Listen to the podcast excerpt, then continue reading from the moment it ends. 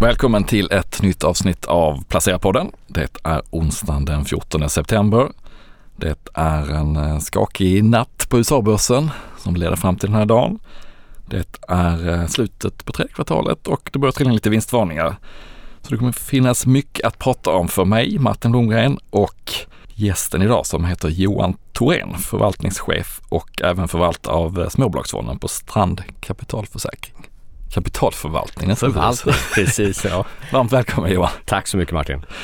Eh, du Johan, jag tänkte så här, det här är ju ingen politikpodd, men jag vet att du har en bakgrund inom politiken Ja. som sakkunnig i den borgerliga regeringen en gång i tiden. Ja, borgerliga regeringen som tillträdde 91 så det är väldigt, väldigt länge Mm. sedan. Okej, det är väl senast inflationen var på 9-10 procent. Eh, Men så du har säkert någon klok reflektion kring det här valutgången, om det nu står sig som det ser ut här på... Ja, eh, och det får vi nog veta eh, framåt eftermiddagen, kvällen kanske, Mm. ja, om den står sig, vilket jag tror. Och då tänker jag mest i ekonomiska börstermer snarare än en allmän Ja, jag förstår precis. Och jag kan bara nämna att jag är inte politiskt engagerad sedan över 20 år tillbaka. Eh, så att, men det är klart att jag har ett politiskt intresse och många vänner i den världen. Så att, eh, ja. Och jag, det är tråkigt att det är så, så få som engagerar sig politiskt idag. Eh, jag har haft enorm glädje av den tiden som jag var i det politiska. Eh, och jag rekommenderar alla unga att faktiskt engagera sig. Det är jätte, jättestimulerande samtidigt som det ger en mycket bra och bred förståelse för vårt samhälle och en Mm. allmänbildning. Skulle du säga att du har nytta av det i din roll som eh, förvaltare? Jag har nytta av det hela tiden. Verkligen. Mm. Att förstå den politiska processen eh, och även kunna förstå lite mera vart eh, olika trender flyttar oss och vad det kan påverka vissa bolag. Så att eh, definitivt stort mervärde för dem. Mhm, mhm. Vad blir då valresultatet Ja. för effekt på eh, börsen? Inte jättemycket. Eh, för oss som har ISK-konton så kan vi ju glädja oss åt att vi inte kommer att se någon höjning i alla fall på skatten där. Eh, sannolikt blir det någon form av, av kanske en justering på den, till och med neråt. För de som investerade eller kanske vill vara investerade i eh, alla dessa omsorgsbolag eh, och även då utbildningsbolag, de få som finns kvar, eh, så är det eh, faktiskt då en, stor förbättring som sker nu för att det försvinner en osäkerhet. De här, den här sektorn har kämpat med en politikerrisk eh, eh och den tilltar alltid vid valperioder och särskilt nu när man lyft fram det som ett, ett huvudämne att sätta stopp för ja, förutsättningarna för de här bolagen egentligen. Så att det är klart att det blir en relief för dem, eh, i alla fall då ett par år Mm. framåt. Och det syntes ju på eh, börsen också i måndags. Ja men visst, visst. Men, men är det så att ni har positionerat er inför valet i några enskilda bolag eller avstått? med- Nej, med nej faktiskt inte. Vi har avstått den sektorn eh, sedan länge för att det är så politiskt känsligt eh, och eh, vanskligt att vara investerad i dem. Eh, då kan man säga, ska ni gå in i dem nu? Mm, ja, det, det är fullt möjligt att om, om vi skulle finna ett sådant läge och eh, göra en sån analys av ett separat bolag där att det här är lockande, då skulle vi kunna göra det eh, nu lättare eftersom den politiska risken har sjunkit så drastiskt. Mm. Okej, så... Men det står inte på agendan just nu att Nej. göra det. Eh, Men om vi tittar på börsläget i stort och det är otroligt mycket fokus på centralbanker och inflationsstatistik. Vilket ju var en av eh, katalysa, vet man, kat, katalysa, Katalysatorerna kanske? tack, eh, till börsnedgången vi såg i USA igår då. Ja. Och vi hade svensk siffra idag på morgonen som också var lite högre än väntat. Tror du att det är det här som kommer vara, ska vi leva med det här temat resten av året eller finns det någonting som kan konkurrera ut? Ja, jag, jag, Inflation. jag kan säga att eh, inflationen och räntan den kommer att vara central för börsen eh, åtminstone närmaste halvåret. Eh, sen eh, kan vi ju fundera på hur länge kommer vi se stigande inflationssiffror? Eh, det är, ja, man, man ser att de fortsätter att stiga i USA, det bromsar upp i Europa i alla fall. Jag skulle kunna tänka mig att vi relativt snart eh, ser en utplaning där och, och sjunkande priser. Eh, och särskilt om vi rensar bort energisektorn i det hela. vi har ju som konsumenter varit ganska duktiga på att snabbt agera. Redan i början på sommaren kunde man höra från ICA till exempel att de noterade att matkassarna som folk handlade var lite billigare. Man gjorde ett val att eh, hålla nere sina kostnader. Så mix, mixen i kassorna? Man ska precis, säga. Mm. ja. Eh, och jag tror att man kan eh, gå till sig själv och se att ja, vi alla eh, drar åt svångremmen något för att hantera den Eh, den befarade eh, då kostnadsökningen vi får, den vi redan ser förstås, ja. men också den som kommer med energipriserna. Eh, och det gör ju att vi håller tillbaka en del av vår konsumtion redan nu. Eh, och vi har haft en period med komponentbrist. Och det här har gjort att väldigt många företag har försökt att bunkra upp. När de har fått tag i varor eh, eller komponenter så har de lagt upp det i liksom, lager för att kunna hantera det. Det är lite olika från bransch till bransch förstås om det har gått att få tag på de här komponenterna eller inte. Men på många håll så är lagren relativt välfyllda. Det gör också att vi får en press på inflationen neråt ganska så snart när konsumenterna minskat sitt köpande och du har eh, eh, lager hos återförsäljarna. Det pressar inte priserna vidare uppåt. Så att eh, ja, vi är väl i alla fall smått optimistiska mm i det här avseendet. Men det är klart, vi kommer se fortsatta räntehöjningar eh, redan nästa vecka, eh, säkert 75 punkter i USA. Eh, det blir säkert ytterligare någon sådan. Eh, och men det är svårt för centralbankerna nu att ro på inflationen för att orsaken till inflationen nu är lite annorlunda än vad den var när liksom back in the days när vi hade tydliga cykler. För då fick vi en högkonjunktur av att vi, vi konsumenter hade konsumerat så mycket och drev upp priser och som drev upp löner och så vidare. Eh, och då kunde man kyla ner det genom att eh, då höja räntan och få ner inflationen. Men idag så beror en stor del av inflationen på att Kina fortfarande har en pandemirestriktion vilket gör att det är svårt att få ut varor därifrån. Det är komponentbrist. Eh, vi har ett krig som har gjort att det har blivit ännu svårare att få tag i en del produkter från den regionen. Eh, och som har påverkat råvarumarknaden och påverkat eh, då energiförsörjningen. Eh, och det spelar ingen roll hur mycket Riksbanken höjer eller centralbankerna. De kommer inte påverka varken Putin eller Xi. Eh, så det är mycket, mycket tuffare för dem. Det är klart att de måste höja sin ränta, men det gäller att de inte höjer den för mycket. För det skulle kunna vara att man egentligen lägger krokben för oss konsumenter som nu försöker stappla oss fram eh, under bördan av ökade kostnader. Eh, för att lägger de krokben för oss, då kommer de snart behöva sänka räntan igen för att hjälpa oss upp. Mm. Du är inne på det där med när du nämnde ICA, att, att ett annat beteende hos konsumenterna och eh, det är väl det vi börjar se i en hel del konsumentbolag nu. Clas Olsson rapport, Thule vinstvarning, Electrolux vinstvarnade. Eh, och just de här konsument retailbolagen är, finns det ganska många av i små och midcap-sektorn men inte kanske så många i, i large cap i Sverige. Eh, så för att komma till frågan här nu, du som eh, småbolagsfondförvaltare, hur, hur navigerar du i det här klimatet när det gäller just eh, konsumentrelaterade bolag? Och, och, du har helt rätt i, man kan se att de mindre bolagen har ju gått klart sämre än de stora eh, drakarna eh, under den här perioden. Eh, och det, eh, det är inte så mycket att göra egentligen som förvaltare mer än att se till att man eh, har de bolag som vi tycker har pricing power, kan flytta sina kostnadsökningar vidare till sina kunder och som, har, eh, som kan nästan ta vara på den här situationen. Eh, för det finns en hel del aktörer där ute som kommer få det så tufft så att de eh, kanske inte klarar sig. Eh, men då är det ju... Eh, Även stark... bland börsnoterade? Det kommer eh, kunna finnas hos de börsnoterade också, det tror jag. Eh, eh, det skulle inte alls bli förvånad om vi får se. Som tvingas till att göra ganska stora nyemissioner för att klara sig och så vidare. Eh, men eh, jag ser inte den, de som ligger risk för det, där är vi inte vi investerade. Men vad vi gör istället, vi har en möjlighet som få har som fondförvaltare idag, egentligen nästan ingen annan. Eh, vi har valt nämligen att ha en annan fondstruktur på våran småbolagsfond.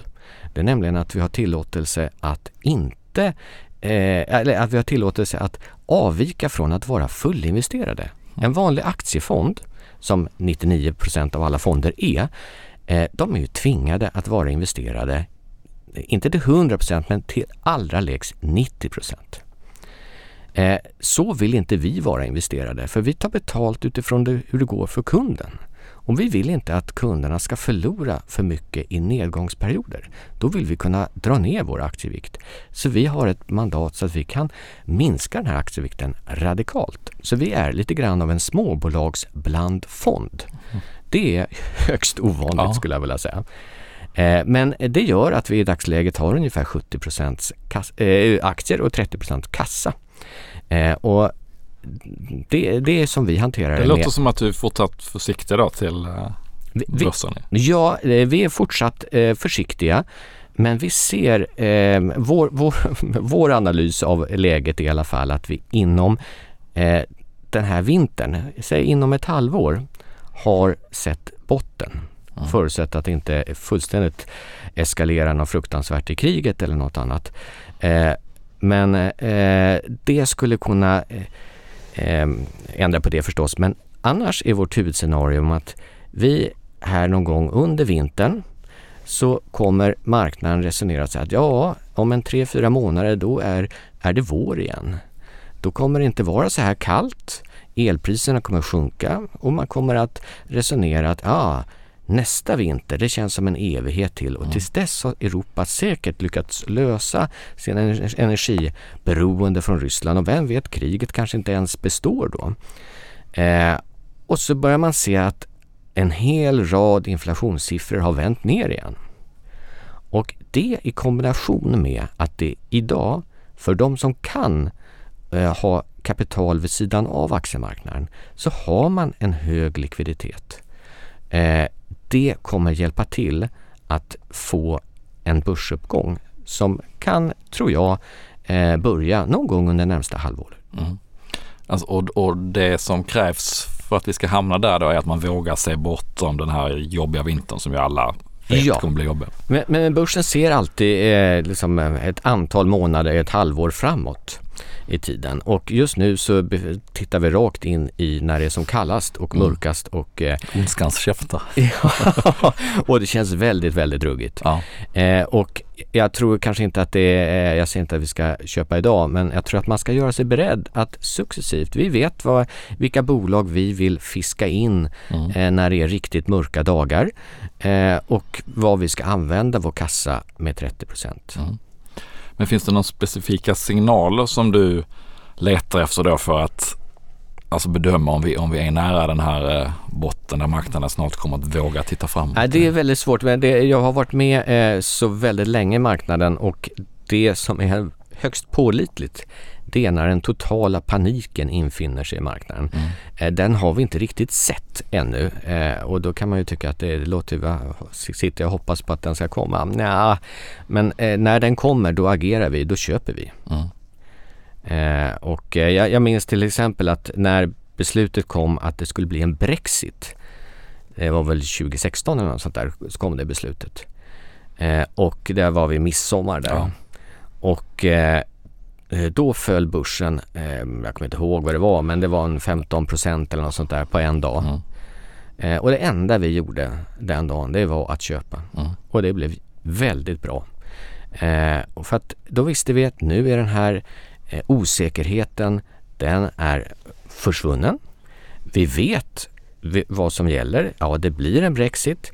Det kommer vara jättejobbigt för britterna, delvis för européerna också. Men Eh, nu har börsen då varit orolig för det här beslutet under en lång tid. Så kommer då det negativa beskedet och man får en kraftig nedgång. Lite så kan vi se på vinstvarningarna som har kommit mm. senaste dagarna.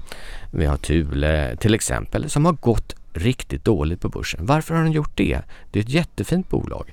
Jo, men det är att man har listat ut att det är klart att vi konsumenter eh, vi har redan köpt våra cyklar under pandemin och då hade vi mer pengar i plånboken så vi kunde köpa lyxcyklar också. Eh, och dessutom passa på att köpa ett cykelställ och lite annat till det. Och varför inte byta takboxen när vi ändå är på gång? Va? För vi ska ju semestra hemma mm. i Sverige. Men har vi gjort allt det där. Eh, och så hamnar vi i en helt annan situation i marknaden. Tacka sjutton för att det blir tufft för eh, en cykelförsäljare som dessutom just som jag beskrev har ökat sina lager. Eh, och Ja, det här ligger ju redan i kursen. Mm. Det har marknaden listat ut sedan länge. Och det var ingen större överraskning att det kom en vinstvarning.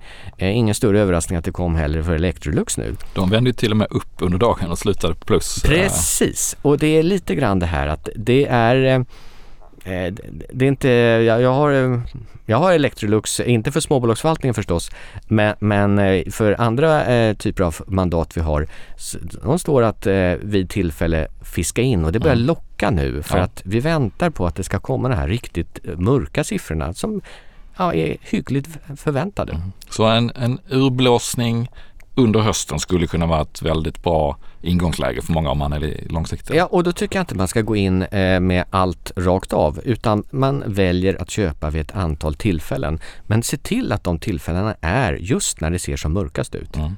Och se till att ha lite torrt krut inför det kanske? Ja, det, det, är mycket, mycket lättare att ha is i magen och eh, gå mot strömmen ifall man inte eh, är för squeezad själv. Mm.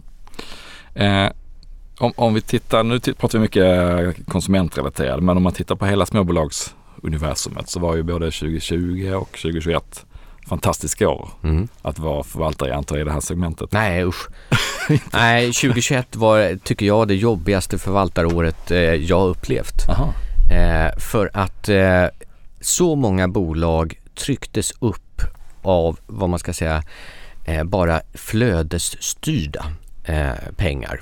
Eh, värderingarna eh, sprang iväg till groteska nivåer. Det spelar ingen roll att vi, vi, vi, såg att det här, det går inte att räkna hem. Nej. Vi vill inte vara med i det kedjebrevet som det faktiskt var i ett antal bolag.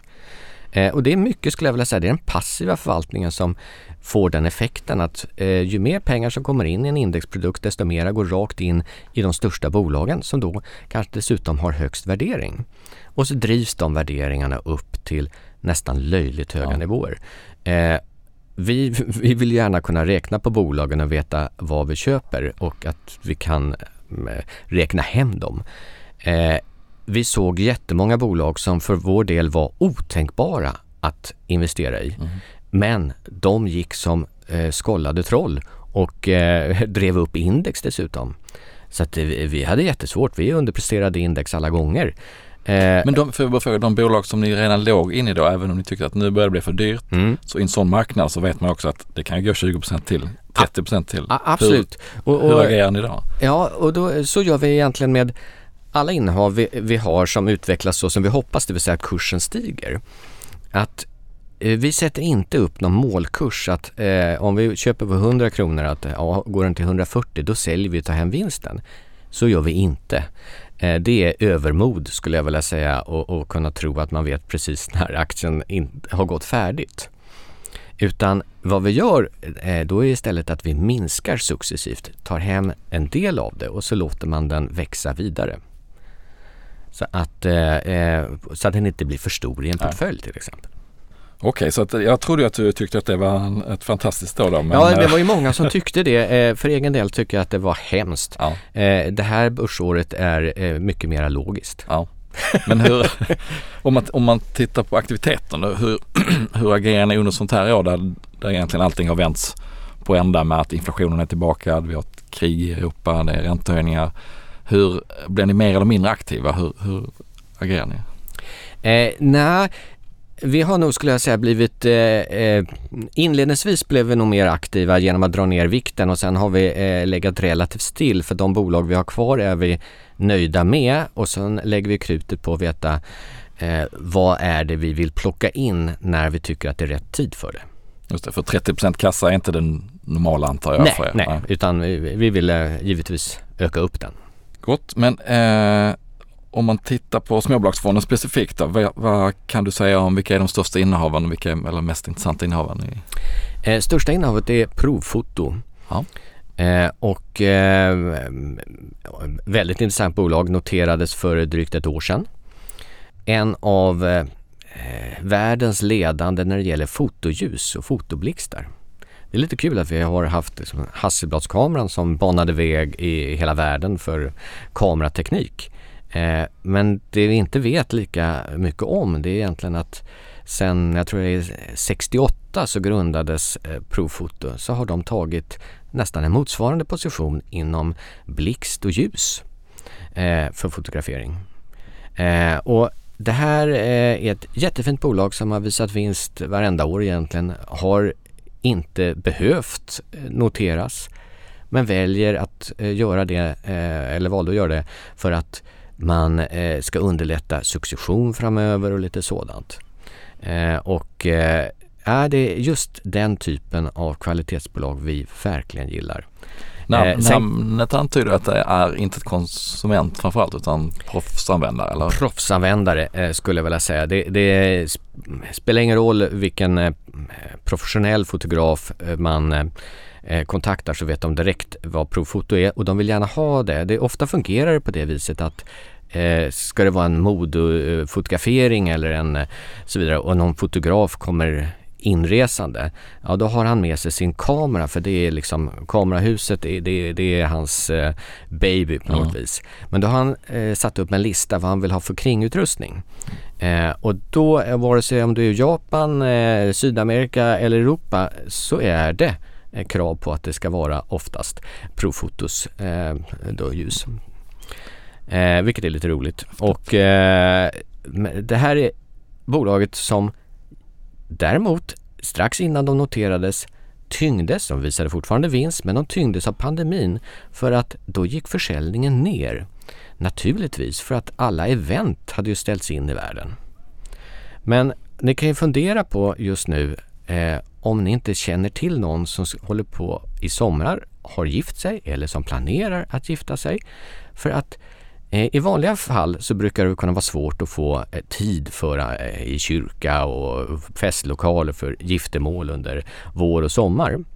Men eftersom det varit ett uppdämt behov i två års tid så är det ju nu det är ju högtryck för den här typen av engagemang. Så en öppna upp, typisk öppna upp-vinnare då? Ja det är det. nu så har de kanske då drabbats lite grann. De har haft en eh, återförsälj, eller eh, de har haft en del komponenter som de själva tagit från Ryssland och så får de lösa det på annat sätt. Eh, så att eh, lite bökigt har det varit för dem nu under eh, krigsperioden. Men de är definitivt en liksom, postpandemivinnare. Mm. Eh, har de varit cykliska historiskt? Inte speciellt. Mm. ett fint bolag som är klart värt att sätta sig in i mera. Ja, det låter spännande. Mm. Fler på topplistan? Ja, då, eh, sen har vi Beijer Ref till exempel och då kan man ju direkt reagera men det där är ett jättestort bolag. Ja, ja det är det verkligen. Eh, men eh, vi har de reglerna i vår småbolagsförvaltning att vi får inte investera i något bolag som har, är över 15 miljarder i börsvärde. Vi brukar gå in i bolagen när de ligger på någon eller ett par miljarder i börsvärde. Eh, och sen om de utvecklas så är ju det vi vill. Vi vill ju att de här, det är det vi tror på när vi går in i ett bolag. Och utvecklas de och växer och växer, eh, ja då kommer vi att successivt sälja och sälja för att det inte ska bli för stor vikt i portföljen. Eh, men så länge det är ett bolag som utvecklas som vi tycker, då är vi ju bara glada om det har blivit ett storbolag på kuppen. För det är ju eh, högsta önskan vi har på varenda småbolag vi investerar i, att de faktiskt ska bli storbolag. BRF är ett sådant. De är väl näst största innehav i portföljen eh, fortfarande. Så att de har eh, varit med på resan upp? Ja, jag tror att vårt ingångsvärde är 18 kronor på BRF. Mm. Så att det, det är hyggligt bra ja. avkastning får man lov att säga. Eh, ett annat sådant eh, som är också bland de fem största innehaven det är ju Evolution som jag tror att många förknippar med Strand. Ja. Eh, och eh, där tror jag att vårt ingångsvärde är 27 eller 28 eh, kronor får jag lov att ja. säga då. Är det ända sedan IPOn i princip? Från IPOn eh, och eh, någon ytterligare på ökning efter den. Mm. Men då alldeles i början. Så att den har ju utvecklats något alldeles fantastiskt. faktiskt mycket mer förstås än vad vi hade någonsin kunnat hoppas på. Men där har vi ett exempel på hur ett bolag verkligen har hela tiden presterat bättre och bättre än vad vi hade önskat att de skulle göra. Eller önskat, vad vi har beräknat att de skulle göra. De får gärna fortsätta berätta.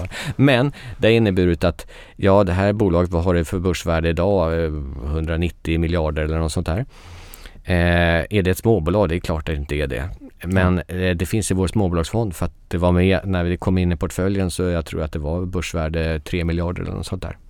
Och vi fortsätter att ligga kvar med dem men tidigare har det varit en väldigt stor position. Det har varit eh, liksom eh, 10 nivå under många år. Vi har hela tiden tvingats sälja för att inte gå över den nivån eh, under många års tid. Eh, men eh, vi har som sagt, jag vet inte hur många gånger vi har minskat eh, Evolution. Eh, det är, eh, massor av gånger. Eh, men vi har då gjort det i större sjok senaste ett och ett halvt åren. Eh, och nu väger de då bara, eh, vad kan det vara, fyra och en halv eller något mm. sånt i portföljen. Och de har fortsatt att växa men aktien har ju varit lite trött sista året kan man säga. Så att värderingen ja, börjar väl se inte hög ut längre där. Nej, den har ju nästan halverats egentligen ja. och ja, det kan man äga bolaget av, av eh, etiska betänkligheter mm. och eh, eh, jämför de siffrorna och de nyckeltalen som eh, Evolution har med ganska många andra bolag som eh, jag tror de flesta har i sina portföljer. Ja, då, eh, då är det ganska självklar plats att man har Evolution. Mm. Men då, då, antar jag att det inte finns någon ESG-regel kring den här sektorn hos er? Inte just hos den här sektorn, nej. nej. Men andra sektorer? Ja, definitivt. Ja. Mm. Eh, Encon så också att ni ja. har va?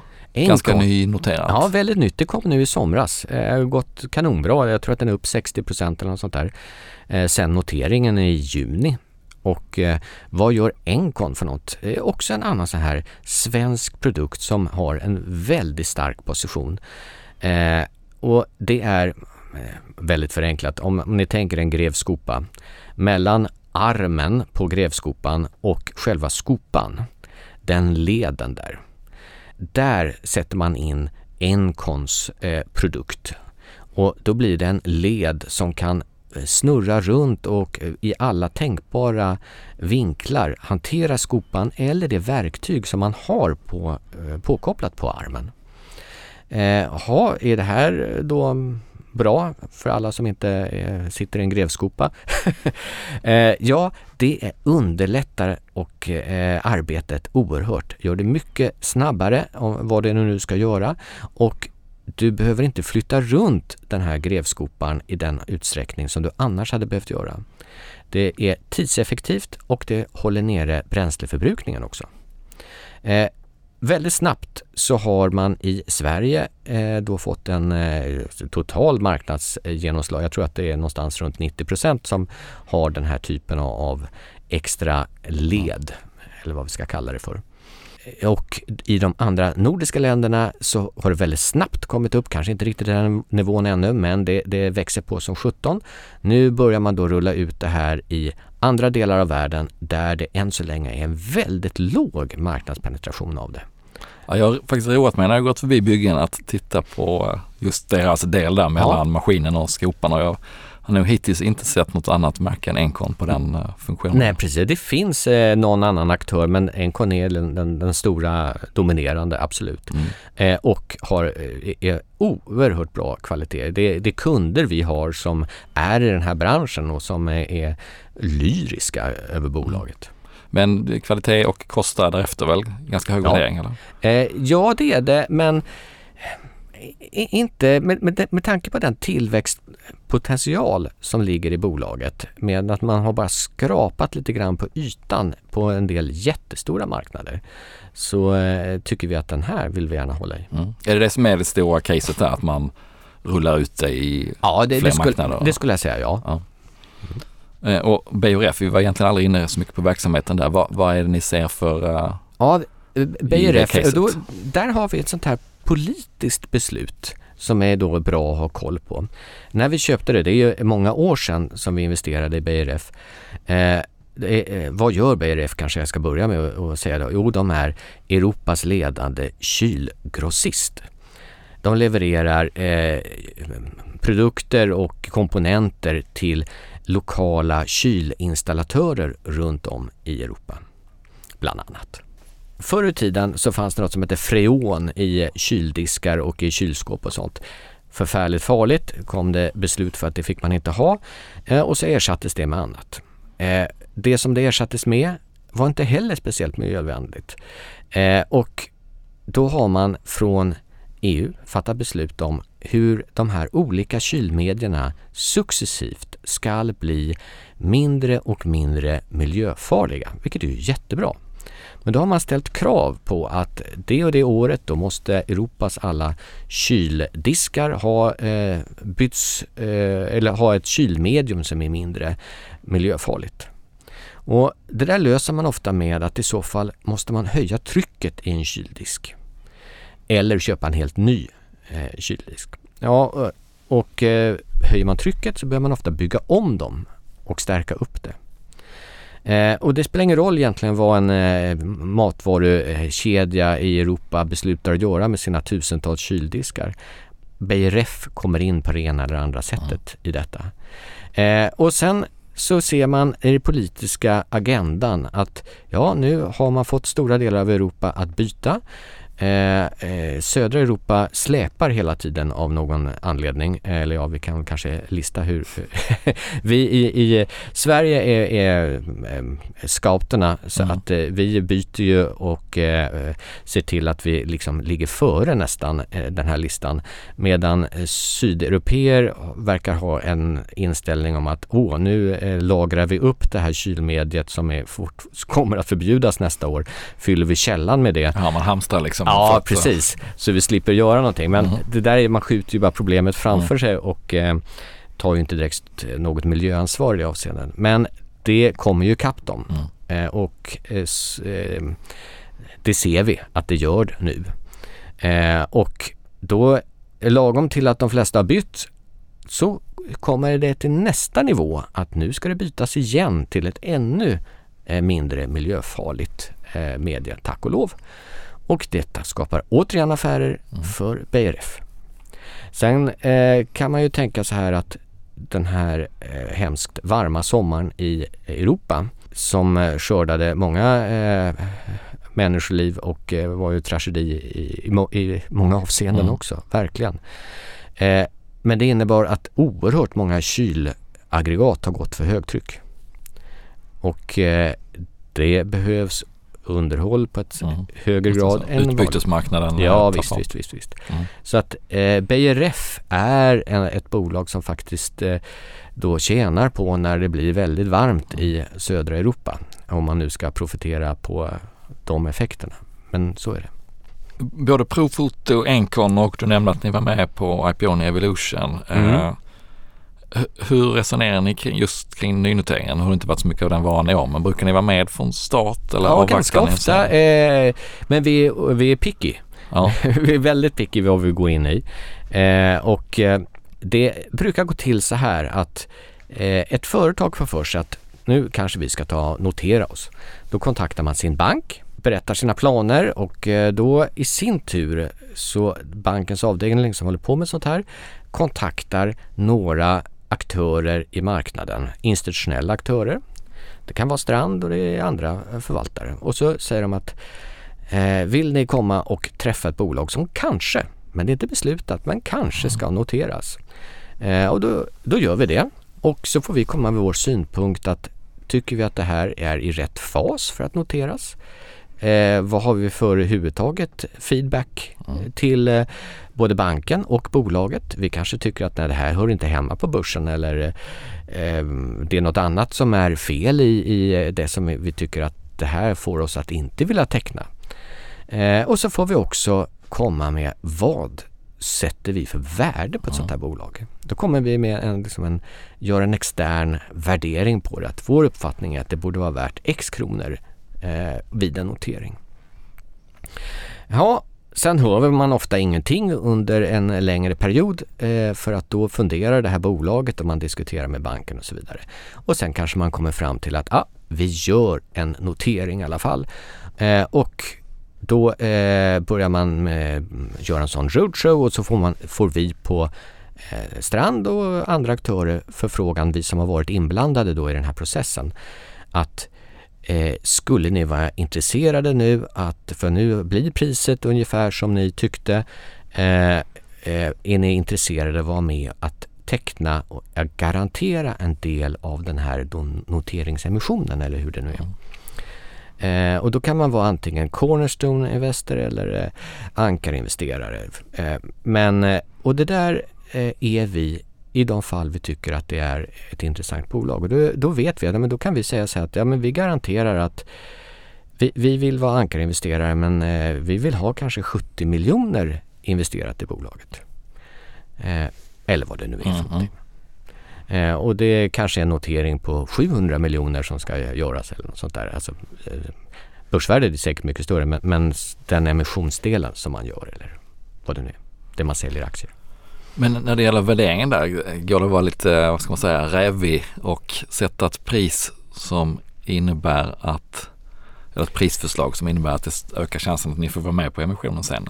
Eller, eh, eller är ni, ja, är fast å andra sidan, vi är ju intresserade av att det ska vara ett attraktivt pris för oss att vi vill vara med i det också. Och det är många gånger som de har kommit tillbaka och sagt ja men då, nu, nu kommer de komma till börsen men prislappen kommer vara den här. Ja ah, det är för högt säger vi. Mm. Tack och hej. Mm. Så att ni, ni sätter det värde eller det, det pris som ni tror? Ja absolut, mm. men vi, vi, vi tar betalt utifrån hur det går för våra kunder. Vi tar betalt precis som en hedgefond. Mm. Eh, eh, och eh, det, det, då måste det fokuset hela tiden vara. Ja. Eh, vi pratade lite om signaler att leta efter i börsen i allmänhet. Eh, nu är det en ny rapportperiod snart i alla fall, ja. någon vecka kvar. Förra gången så var väl efterfrågan ja, överraskande bra i många fall medan marginalerna kanske var lite åt svaga hållet i mm. en del bolag. Vad ser du framför mig nu den här, den här rapportperioden? Eh, jag ser kommer? framförallt fortsatt eh, eh, ett pärlband av vinstvarningar fram till rapporterna. Ja. Och i rapporterna så kommer det vara mycket fokus på att se vad skriver de om sin exponering mot energikostnader. En fråga man inte har behövt bry sig om på Nej, precis. decennier nästan. eh, och det kan ju vara bolag som man vet förbrukar mycket eh, och som kursen har tryckts ner bara därför. Men det kanske är helt felaktigt för att de eh, kanske har sin energiförbrukning uppe i Norrland till ett mycket lägre pris än vad deras konkurrenter tvingas betala som kanske då ligger i, i södra Sverige med sin produktion. Eh, så att det är inte nödvändigtvis bara för att ha koll på hur mycket eh, då beroende de har av energi utan det är vad får de betala för sin energi. Eh, för att det kan vara en, en som har oerhört energiförbrukning eh, men som kommer att ha väldigt stora fördelar gentemot sina konkurrenter och det är ju värt något. Bra, så energikostnaderna, något annat som du kommer att leta specifikt efter i rapporterna? Eh, ja, eh, alltså vi kommer att se eh, egentligen hos alla eh, konsumentinriktade bolag eller sällanköpsvaror, eh, det kommer att vara relativt dåliga rapporter. Jag kommer titta mycket på hur stora deras lager är. Hur har lagertillväxten varit? Just det, som en indikation på hur lång tid det tar innan man är igenom det här just kanske. Precis, då. Just precis. Mm. För det pratade ju både Mips som också vinstvarnar och Thule om, att just den här lagereffekten eller bullwhip-effekten att, att det blir en eh, kaka på kaka som gör att det står stilla länge när det ja, men stannar upp. Ja visst. Eh, och, och, samtidigt ska vi komma ihåg att det, som jag sa tidigare, det innebär ju att det är inte det pressar nästan ner inflationen istället. Mm. Ja, det blir spännande. Tusen tack Johan för att du kom hit och delade med dig av dina tankar kring eh, era innehav och er fond. Tack Martin.